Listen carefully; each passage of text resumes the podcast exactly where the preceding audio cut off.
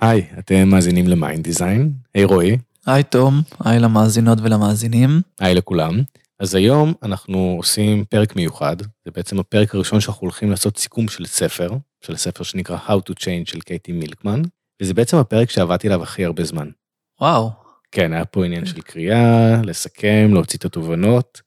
יש פה הרבה מאמץ, ואני מקווה שזה יצדיק את עצמו, שיצא לנו פרק טוב. ואנחנו גם במקום אה, מעניין שאתה עדיין לא קראת את הספר. נכון. סליחה שיימינג.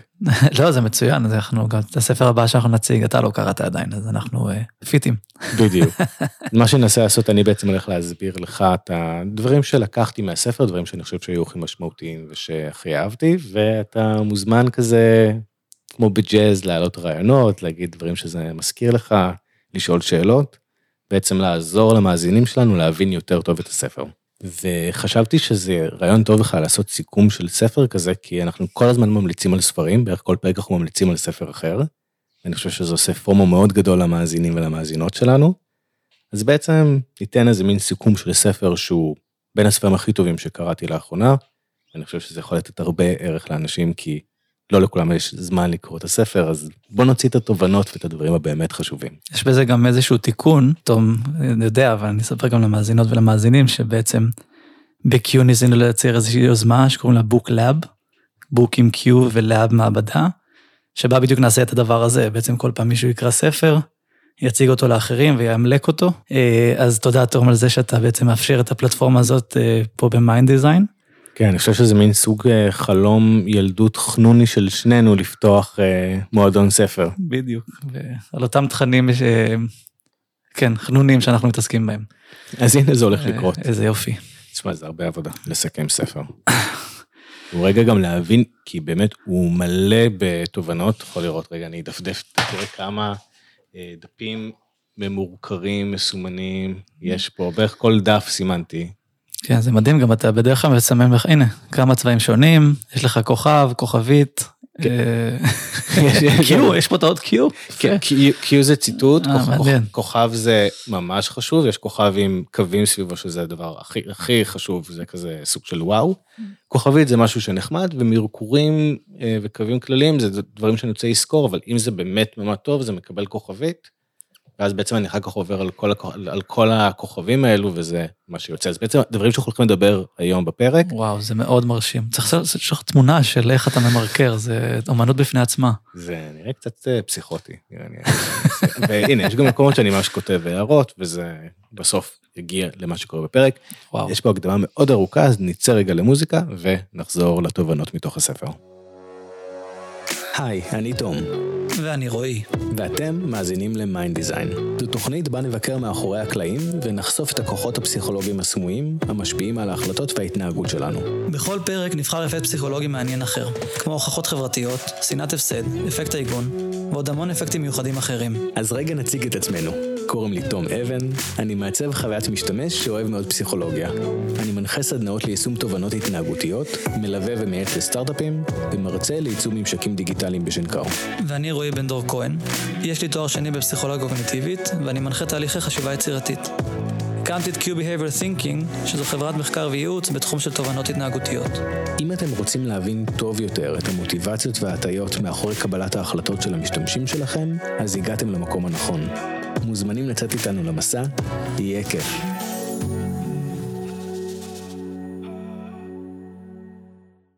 אוקיי, חזרנו. איזה כיף. אנחנו הולכים לדבר היום על הספר How to Change של קייטי מילקמן, שבעצם הספר מדבר על איך מייצרים שינוי. זה כזה המדריך לשינוי. הוא מכיל המון מחקרים שהיא עשתה וגם מחקרים של קולגות שלה, שבעצם כל המטרה שלהם זה להבין איך אנחנו יכולים לייצר שינוי בחיים שלנו או אצל אנשים אחרים, מתוך ההבנה שזה קשה. זה ממש ממש ממש קשה לייצר שינוי, ויש דברים שמגבילים אותנו ומקשים עלינו, ויש גם פשוט טכניקות ושיטות שאפשר להשתמש בהן בשביל לייצר שינוי, בשביל להקל עלינו. אני אשאל אותך שאלה, כי אתה בעצם קורא המון, המאזינים והמאזינות שלנו גם יודעים את זה, אתה קורא המון, והמון גם על התחום הזה. זאת אומרת, טייני האביט של בי.ג'יי פוג, יש לך את הספר של אה, פישבח, אני חושב שהתחלת לקרוא, שקשור למוטיבציה. נכון. זאת אומרת, אתה קורא המון על נושא, ועדיין זה, מבחינתך, זה ספר שמחדש לך. כן, הוא מחדש אה, מכמה בחינות. דבר ראשון, הוא באמת כתוב טוב, כיף לקרוא אותו, הוא זורם, הוא, יש בו מנעד מאוד נכון בין סיפורים לבין מחקרים, שברוב הספרים בתחום הזה הם מאוד קשים לקריאה, הם בעיקר מחקרים, יש בהם משהו כבד, וכאן כנראה כי יש לקייטי הרבה ניסיון עם הפודקאסט שלה, היא בעצם ממש יודעת לספר סיפורים, אז הוא כתוב מאוד טוב, ומבחינת החידוש, יש פה הרבה דברים שאנחנו יודעים, גם דברים אפילו שדיברנו בפרקים קודמים ועוד מעט נעשה עליהם כזה רפרנס, אבל אני חושב שהאוצרות שלו בעצם עריכה לספר שלם שמדבר רגע על איך מייצרים שינוי, והיא מביאה את זה מהרבה זוויות שונות ומביאה את כל הסט כלים, זה משהו שעדיין לא קראתי. זה קצת מזכיר לי את, אה, את טייני אה, אבי של בי.ג'יי פוג, אבל בי.ג'יי פוג מדבר רק על הרגלים, ופה קייטי ממש מדברת על שינוי באופן כללי, שזה לא רק ההרגלים שלנו. שבשבילי זה היה מאוד מחדש, מאוד מעניין. הוא ספר כמעט פרקטי, אפשר לקחת ממנו ממש דברים לחיים. אוקיי, שכנעת אותי, אני אקרא אותו. קודם שתשמע את כל הסיכום של הפרק. אז בעצם אנחנו הולכים לדבר היום על שבעה נושאים שונים, הספר ממש בנוי לפי פרקים.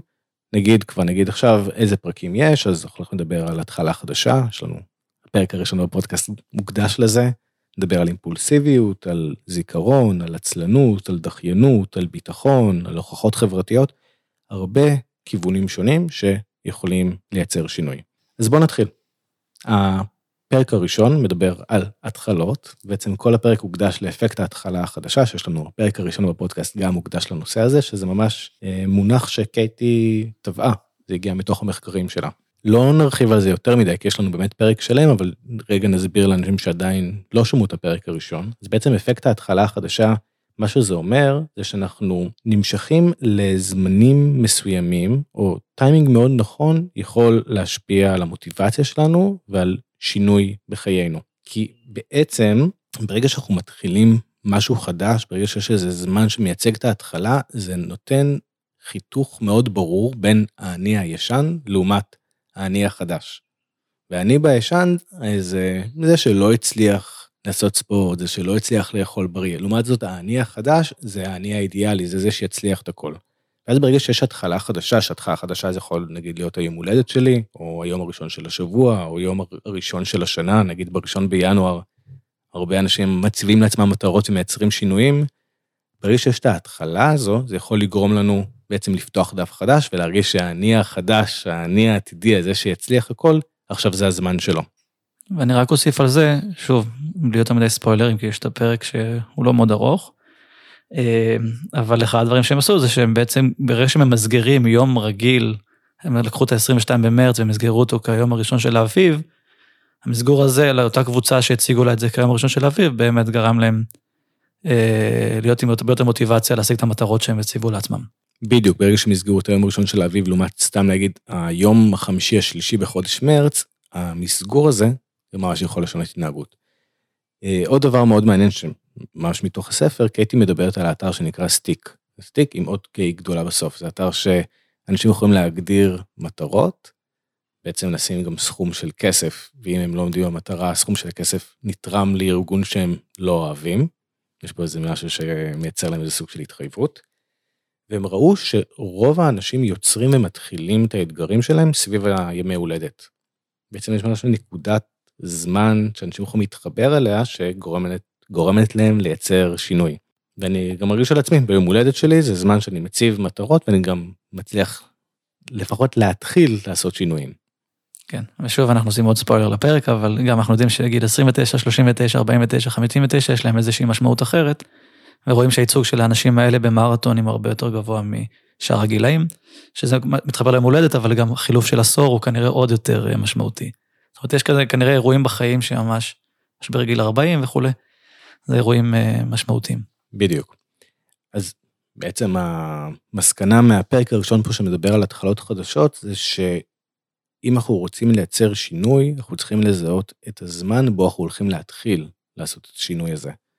וזה יכול להיות לגמרי פיקטיבי, אפשר להמציא את היום הראשון של האביב, אפשר להשתמש ביום הולדת, להשתמש בתחילת השבוע, בתחילת החודש, למצוא את הרגע הנכון שייתן לנו את הדחיפה הראשונית הזו לקראת שינוי. אבל יש משהו חשוב שצריך גם להבין שזה לפעמים יכול לא לעבוד, כי אם נגיד יש לנו משתמשים או לקוחות שהם כבר בתוך, בתוך תהליך השינוי, הם כבר ממש בתוך התנועה, ואז אנחנו ממש מציינים להם זמן, זה יכול אה, דווקא לעצור אותם. אז אנחנו צריכים לעודד ולתת את הזמנים האלה לאנשים שעוד לא התחילו את השינוי ולא כאלה שכבר נמצאים בתוכו. כלומר, למצוא את האנשים שהם בהתחלה או שהם כרגע עם מוטיבציה נמוכה. לכל כלי יש לו שני כיוונים, הוא יכול לפעמים לעבוד ולפעמים הוא יכול לעשות את האפקט ההפוך.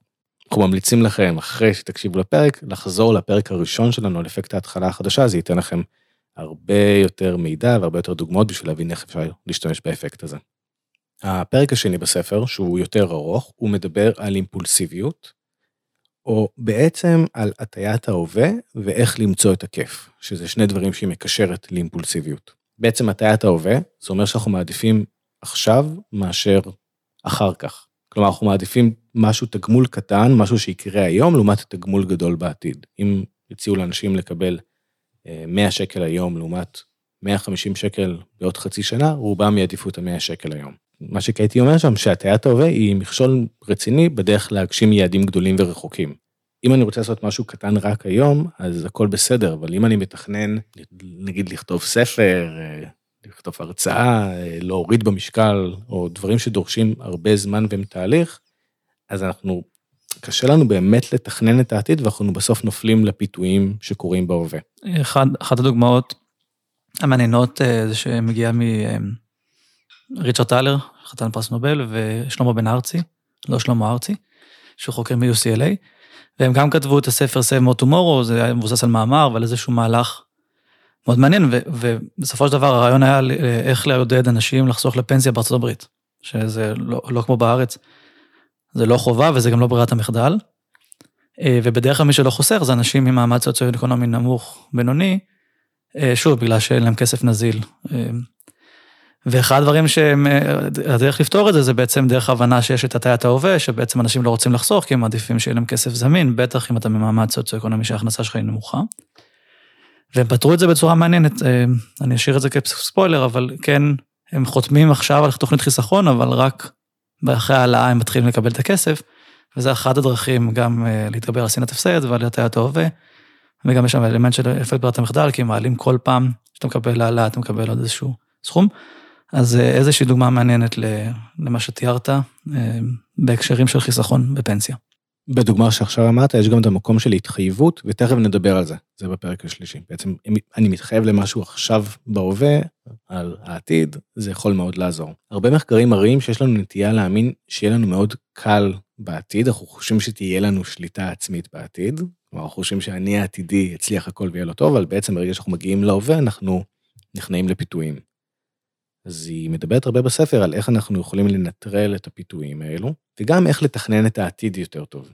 בעצם אנחנו חושבים שאני עתידי יודע לקבל החלטות טובות, אבל לרוב אנחנו מגלים שאנחנו נופלים בהווה לפיתויים מהירים. וזה מחבר אותנו למשהו מעניין שמדבר על איך אפשר להשתמש בכיף, לבחור את הדברים המעניינים, בשביל לייצר שינוי.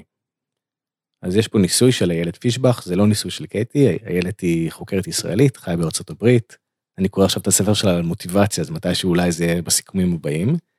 ובעצם איילת עשתה שני ניסויים שונים, אבל מאוד דומים, שהמסקנה של שני הניסויים זה שאם אנשים בוחרים את האופציה הכיפית, זה יכול לגרום להם לעשות שינויים טובים, כמו לאכול יותר בריא או להתאמן יותר. היא עשתה שני ניסויים, אחד במכון כושר עם מתאמנים, ניסוי שני עם אנשים שצריכים לבחור בין אה, אוכל בריא לאוכל פחות בריא. ומה שהם ראו שם, שברגע שאנשים היו צריכים, חלק מהנבדקים היו צריכים להגיד מה לדעתם עם יותר תועלת, אה, באופציות של הספורט או באופציות של אוכל, וחלק היו צריכים להגיד איזו אופציה לדעתם אה, יותר אה, כיפית, יש בה יותר fun. אנשים שבחרו את האופציה שהיא יותר כיפית, זה גרם להם אה, לדבוק יותר בהרגלים שלהם לאורך זמן. אז בעצם, ברגע שאנחנו בוחרים משהו כיף, זה יכול לגרום לנו להמשיך. יש את המשפט של מרי פופין שאומר שבכל עבודה שצריך לעשות, יש גם אלמנט של כיף, אז אם מוצאים את הכיף, אז העבודה נהפכת למשחק. אם מוצאים את הכיף? אם, אם, אם, אם מוצאים, לא מוצאים. אה, אם מוצאים, אוקיי, כן, אז אמרתי, אם מוצאים את הכיף, איך זה יכול להפוך, אוקיי. אז אם אנחנו, אם אנחנו מוצאים את הכיף בכל דבר, זה יכול אה, לגרום לנו יותר לדבוק במה שאנחנו עושים, וכך לייצר גם שינוי.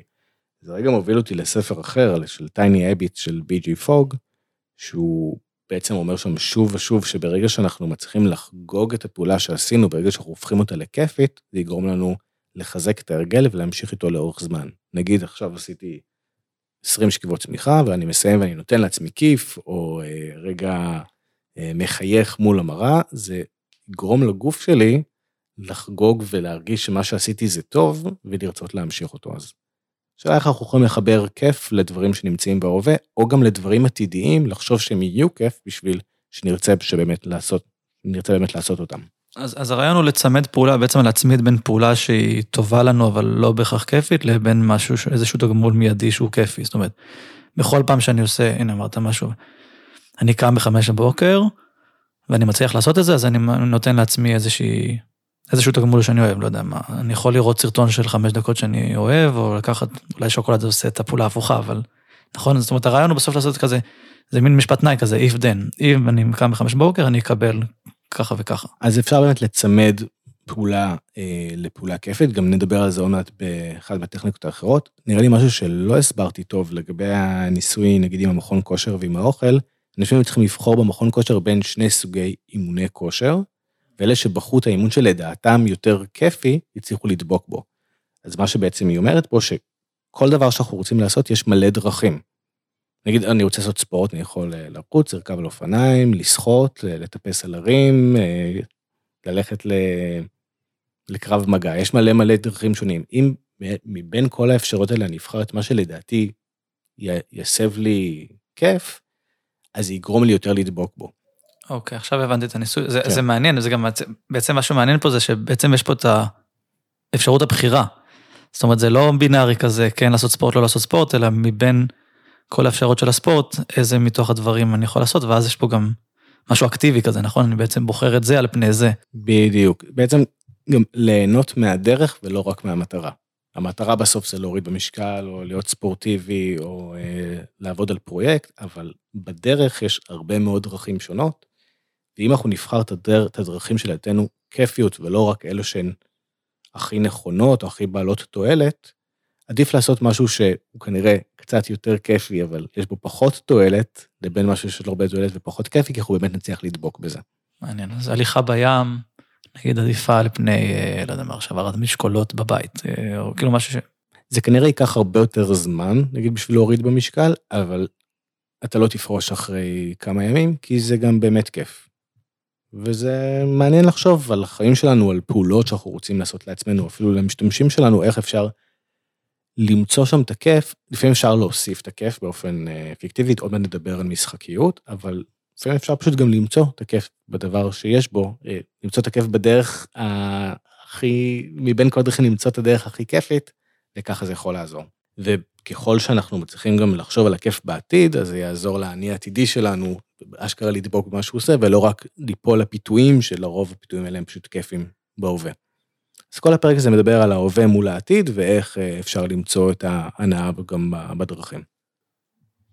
אני ככה אשחיל אה, בסוגריים.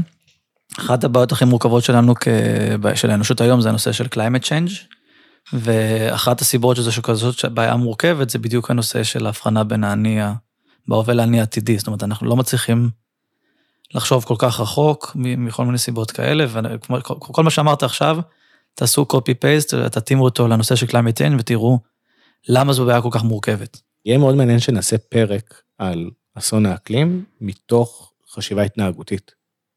להבין איזה מחקרים הצליחו לעשות שינוי במקום אקלימיסטי, למה אנחנו בעצם מחריבים את העולם ולא מספיק מודעים לזה. זה יכול להיות נושא מעניין, מתישהו נקדיש לזה פרק. אה, אנחנו חייבים. חשוב. כן.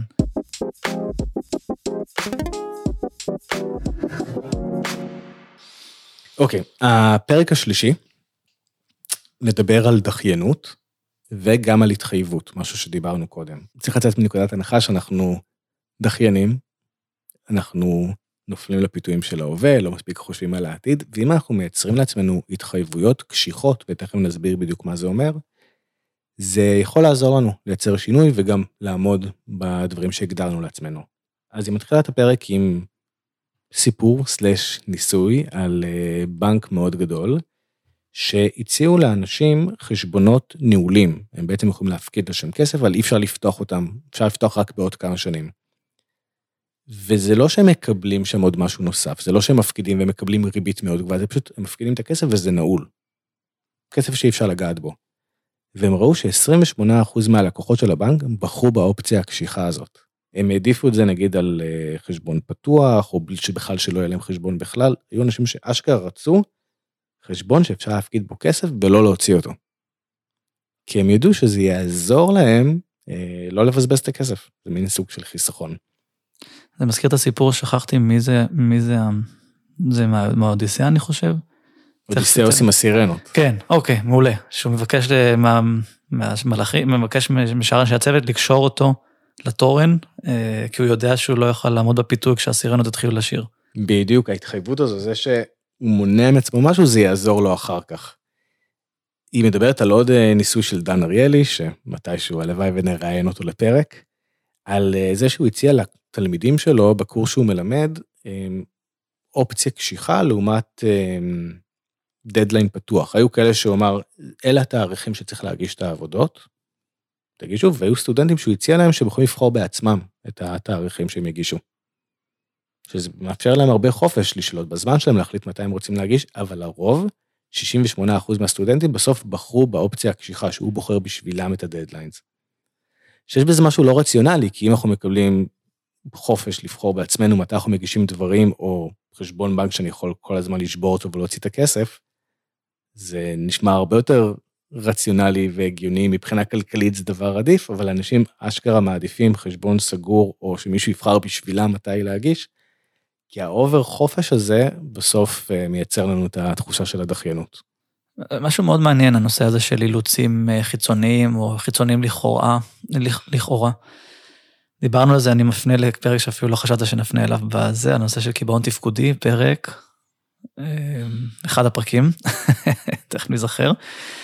אה, וזה מתחבר לנושא, לשיטה של SIT, Systematic Inventive Thinking, שבעצם אחד העקרונות הבסיס של כל הדבר הזה, של חשיבה... פרק 12. או, מעולה. אז אחד העקרונות הבסיסיים של איך להגיע לחשיבה יצירתית, זה דווקא לייצר אילוצים על החשיבה. וזה מאוד מעניין, אנחנו גם מכירים איזשהו ניסוי שעשו בפסיכולוגיה, שביקשו מאנשים אה, לרשום כמה שיותר דברים לבנים בעולם, אחר כך ביקשו מהם לרשום כמה שיותר דברים לבנים במטבח. ואחר כך ביקשו מהם לרשום כמה שיותר דברים לבנים במקרר. והפלא ופלא, ככל שיש יותר אילוצים, יותר קל למצוא הרבה דברים לבנים במקרר מאשר הרבה דברים לבנים בעולם, למרות שזה, איך אמרת, לא רציונלי, זה, זה נשמע אבסורדי, אבל, אבל זה לא. כי יש משהו במיקוד הזה שמאפשר לנו, דווקא בתוך גבולות המגרש המסורטטים האלה, גם לקבל החלטות יותר טובות כנראה, גם להיות יותר יצירתיים וגם במובן הזה לעמוד במטרות שלנו. מגבלות או התחייבויות יכולות לעזור לנו להיות יותר יצירתיים. כן. ואני רגע חוזר לספר, אז היא אומרת שהתחייבויות יכולות לעזור לנו לשמור על היעדים שלנו או לייצר שינוי. אז היא נותנת שם דוגמה, נגיד אתה במסעדה ומגיע קינוח מאוד מפתה, זה עוגה שאתה רוצה לאכול, אז מה יותר יעזור לך לא לאכול את העוגה? זה שהחלטת בעצם אתה רוצה להיות אדם בריא ולא לאכול, בעצם הגעת עם ההחלטה מקודם, או אם סיפרת לחברים שאם אתה אוכל עוגה, תצטרך לשלם להם אלף שקל. כן. כנראה שההתחייבות הכספית הזאת תעזור לך יותר לדבוק במה שרואים שמקודם רצה לעשות. אז היא מדברת הרבה על התחייבויות כספיות, כי כסף זה משהו שמאוד יקר לנו, ואם אנחנו מתחייבים אה, שאנחנו נצטרך נגיד לתרום לארגון שאנחנו לא אוהבים אם אה, נעשה, אם לא נצליח לעמוד במטרה, כמו באתר בסטיק, זה מאוד עוזר לאנשים לדבוק בהרגלים וביעדים שלהם. וזה מזכיר לי דוגמה ששמעתי מניר אייל באיזה פודקאסט שהוא התראיין, שהוא קורא לזה לשרוף את השטר או לשרוף את השומנים. הוא, יש לו שטר של 100 דולר שהוא שם על הקיר וליד זה יש מצית, וכל יום שהוא לא מתאמן, הוא צריך לעשות נגיד שכיבות צמיחה או את האימון בוקר שלו, אם הוא לא מתאמן, הוא צריך לשרוף את השטר. מדהים. זה, זה מזכיר לי פשוט כל הנושא הזה, הדיון על מוטיבציה, שזה כזה דבר שברירי, וצריך לעשות כל המניפולציות האלה על עצמנו. זה מזכיר לי איזה מגנט שיש על הב, בבית של, של, של ההורים שלי, שרשום שם שאם אלוהים, זה באנגלית, אבל לא משנה לתרגם את זה, אם אלוהים היה רוצה שנעשה דיאטה, הוא היה בורא לנו כוח רצון הרבה יותר חזק. אז, אה, אז בשביל זה כל, המניפ... כל התרגילים האלה, כי אנחנו בעצם, הכוח הרצון שלנו הוא שברירי. ממש. אנחנו נופלים לפיתויים של ההווה. אז יש התחייבויות קשיחות, כמו אה, אני עכשיו מתח... נכנס לאתר אה, שאני שם שם את החשבון הש... אשראי שלי, ואני כותב שאם לא עשיתי משהו, הם יתרמו את הכסף. יש גם התחייבויות יותר רכות, כמו אני עכשיו מפרסם בפייסבוק לכל החברים, שאני בעוד חודש רוצה לכתוב ספר. אין פה באמת, לא יקרה שום דבר, אבל התחייבתי מול העולם, ועצם ההתחייבות הזו יכולה לעזור. והשילוב שברגע שמתחייבים באופן פומבי ויש גם התחייבות קשיחה, זה משהו שהכי יכול לעודד אותנו. כי נגיד, הדוגמה של ניר אייל, אם הוא, אה, פשוט, הוא החליט בעצמו שאם הוא לא עושה, אם הוא לא שורף את השומנים, הוא צריך לשרוף את השטר, אבל אין פה עדים, אין, הוא יכול בסוף לרמות עצמו. אז יש דוגמה למשהו דומה של תומאס פרנק, הוא כזה יוטיובר שמדבר על פרודוקטיביות, בחור מאוד מעניין, והוא עשה התחייבות שהוא חיבר את השעון המעורר שלו באיזו צורה אה, חכמה, שאם הוא לא מתעורר בבוקר, נראה לי הוא רצה לקום באיזה שש בבוקר, אם הוא לא מכבה את השעון המעורר, אז מפרסם טוויט בטוויטר, שהוא כותב, אני לא התעוררתי בזמן, מי שמגיב לטוויט הזה יקבל אה, חמש דולר. גאוני. ויש לו גם התחייבות פומבית, יש אנשים שעדים לזה שהוא לא הצליח, ואם הם עדים לזה, הוא יצטרך לשלם להם. אז זה רעיון מאוד חכם לאיך אפשר להתחייב לעולם בעזרת כסף בשביל לקום בבוקר אה, בשעה שהוא רוצה. תוך כדי שאתה מדבר, אחד הדברים שאנחנו צריכים, אתה ואני, הרבה מוטיבציה, זה בעצם להיפגש ולעשות את ה... להקליט את הפודקאסט, וזה לוקח זמן, זאת אומרת, גם להכין אותו. הנה, אמרת שזמן הכנה לפודקאסט הזה היה הארוך ביותר אה, עד כה. להיפגש, להקליט, לערוך. אז כן, בקיצור, יש פה הרבה עבודה, לכתוב את הפוסטים, אה, ואז כאילו, יש פה הרבה מאוד עבודה. והרבה, לוקח לנו זמן לתאם בינינו, כאילו אנחנו גם שנינו נושאים מאוד עסוקים, אה, ואז אני חושב, אחד הדברים שכן עובדים לנו בכל זאת זה שאנחנו לא לבד.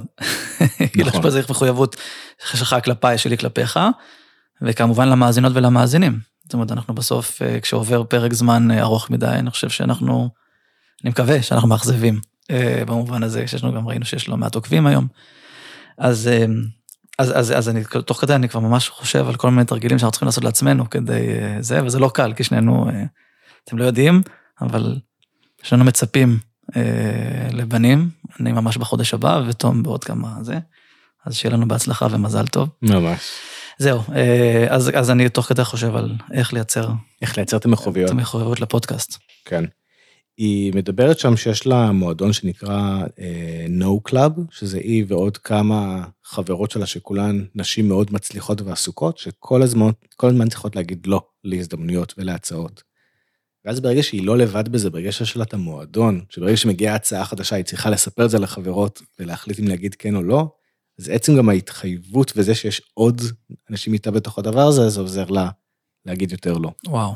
וזה גם מעניין בקטע עם איך להשתמש בעוד אנשים בשביל לשמור על המטרות והיעדים שלנו. במקום של המחויבות, אז היא מדברת על עוד משהו מעניין שאפשר לחלק מחויבות לשלבים קטנים, ואז היא תראה פחות מאיימת. וזה יכול רגע לעזור לנו איך אנחנו חושבים על להקליט עוד פרקים, כי בעצם הקלטת פרק יש בו הרבה מאוד שלבים, אז אולי אפשר לחלק אותו. אז היא נותנת שם דוגמה, נגיד, סביב כסף וזמן, שאם יגידו לאנשים אה, לתרום חמישה שקלים בשבוע, זה ירגיש יותר פשוט, סליחה, חמישה שקלים ביום, זה ירגיש יותר אה, פשוט מ-35 שקלים בשבוע או 150 שקלים בחודש. בעצם ברגע שמדברים על מספר קטן רק יומי, זה מרגיש יותר פשוט. או נגיד, תחשוב אם הייתי מבקש ממך להתנדב 4 שעות בשבוע, לעומת 200 שעות בשנה. נכון? כל שבוע רק 4 שעות, זה נשמע הרבה יותר קליל מאשר 200 שעות בשנה, למרות שזה כן. אותו דבר. אז אם רגע מחלקים את זה ל... כאילו לשלבים קטנים או למספרים קטנים, זה יותר עובד עלינו ואנחנו מרגישים... זה, זה ממש מעניין, אני מכיר את זה מעולם יותר שיווקי, וזה אפקט המסגור בעצם, ב, ב, לא, לא בהכרח בהפסדים ורווחים, כמו שבדרך כלל אנחנו מכירים את המושג הזה, אלא לקחת את אותו דבר ופשוט למסגר אותו אחרת, אז שלמה בן ארצי נתן הרצאה לפני כמה שנים, אני חושב, בטוקהאוס, היה מאוד מעניין, והוא אמר שהוא עבד עם איזה חברת ביטוח, והמסר השיווקי שלהם היה שהם חוסכים ללקוחות שלהם 45 אה, דולר בחודש, ומסתבר שלמסגר את זה כדולר וחצי ביום, זאת אומרת חוסכים להם דולר וחצי ביום, היה הרבה יותר אה, אפקטיבי. מעניין. ויש עוד דוגמה אחרת אה, שראיתי לא מזמן, לא מזמן, די מזמן כבר בפייסבוק, שמישהו היה מוכר שמן זית, ובהתחלה המבצע שיצא בו זה בקבוק ראשון במחיר מלא, שני בחצי מחיר, ואז הוא שינה את זה לשלושה בקבוקים במחיר מלא, רביעי בחינם. Mm. אז לא משנה, פה נכנסו לאפקט החינם, אבל זה עדיין מעניין שאפשר לקחת את אותו דבר בדיוק ולהחליט איך הכי נכון למסגר את זה. אז זה עובד כנראה לא רק כמסר שיווקי, אלא על עצמנו. דיברת על שלמה בן ארצי כבר פעמיים בזמן ההקלטה, כן. יש לו ספר מעולה שנקרא The Smarter Screen, שקראת? לא. לא, ספר מצוין, אולי מתישהו זה יהיה, אם, אם נקבל אהבה לפרק הזה, כי זה באמת דורש הרבה מאוד זמן לייצר סיכום של ספר, אז אה, אני אעשה גם סיכום עליו, ספר מעולה. מעולה. אז רגע, אני רוצה לסכם את הפרק עכשיו. בעצם יש שתי מסקנות עיקריות. הראשונה היא שהתחייבויות, או אילוצים, זה יכול לעזור לנו לייצר שינוי, כי בעצם ההתחייבויות האלה שומרות עלינו שלא ניפול. אני יכול uh, להתחייב מול אנשים, אני יכול להתחייב באופן כלכלי, אני יכול uh, להתחייב גם בעוד דרכים לעצמי, אבל רק אם אני מחליט לעשות משהו, זה לא מספיק. צריך גם שיהיה איזה עוד איזה אילוץ כלשהו, כמו האודיסאוס מול הסירנות. ואם אנחנו לוקחים יעד ומחלקים אותו לשלבים קטנים, זה גם כן יכול לעזור לנו, כי בעצם אנחנו מתחייבים כל פעם רק לעוד שלב קטן, וצעד אחר צעד, ובסוף זה יכול להביא אותנו לסוף. זה פתאום מזכיר לי איזה סרטון יוטיוב שראיתי עם כזה קוביית דומינו נורא קטנה, שמפילים אותה, ואז היא מפילה קובייה יותר גדולה ויותר גדולה ויותר גדולה ויותר גדולה, ואז רואים איך מתנועה קטנה, בסוף זה יכול להפיל קוביית אה, דומינו עצומה. אז מתחילים בקטן, ובסוף אפשר להגיע ליעד. אני מנסה לחשוב על איזה התחייבות אני... אה, טוב, התחייבתי בפניך, אז נתחייב גם בפני המאזינים. זה אולי לא יודע איך לפרק את זה למשהו יותר קטן, אבל הספר שאני אביא לשולחן, Decisive של אה, האחים הית', את זה קראת? לא, קראתי ספרים אחרים של האחים. אה, made to stick, מטוסטיק, סוויץ'. power of a moment. כן, אוקיי, אז, אה, אז נתחיל ב-Decisive, אז, אז הנה, אני שם את זה פה מול כולם, בום. יש. יאללה, זה יהיה הסיכום הבא. שמע, אנחנו מקליטים כבר אה, משהו כמו 40 דקות, אז נראה לי זה מספיק לפרק הראשון, אנחנו סיימנו עכשיו את הפרק השלישי, נשארו לנו עוד ארבעה, שזה בדיוק יהיה הפרק הבא. מעולה. זה יהיו פרקים ארוכים קצת, כל פרק זה 40 דקות, אבל... בסדר, זה במקום לקרוא ספר שלוקח, אה, מה, חמש-שש שעות, אז אנחנו... יותר, אה, כן, בשעה וחצי מקבלים, אה, ותוך כדי שרצים בפארק או שוטפים כלים, אפשר לקבל סיכום של הספר, אז נראה לי מעולה, אז אנחנו נסיים פה, וכבר נתחייב שבשבוע הבא יפורסם פרק ההמשך, עם, אה, עם שאר מעולה. שאותו אנחנו קליטים עכשיו. בדיוק, אנחנו אה. הולכים להקליט עכשיו, אבל אתם תשמעו את זה שבוע אחר כך, אז אתם אה, יכולים כרגע, תכף הפרק ייגמר, מוזמנים אה, ומוזמנות להמשיך לפרק הראשון של אפקט ההתחלה החדשה, או לכל אחד מהפרקים האחרים שלנו, וכדאי ללחוץ על הכפתור של הפולו, בשביל שזה יופיע לכם ברגע שנפרסם את, ה, את הפרק הבא. מעולה, איזה יופי. אז יאללה, תודה רבה על ההאזנה, ונתראה בעוד שבוע בהמשך של. הסיכום של How to Change של קייטי מילקמן. תודה רבה, תום. יאללה ביי.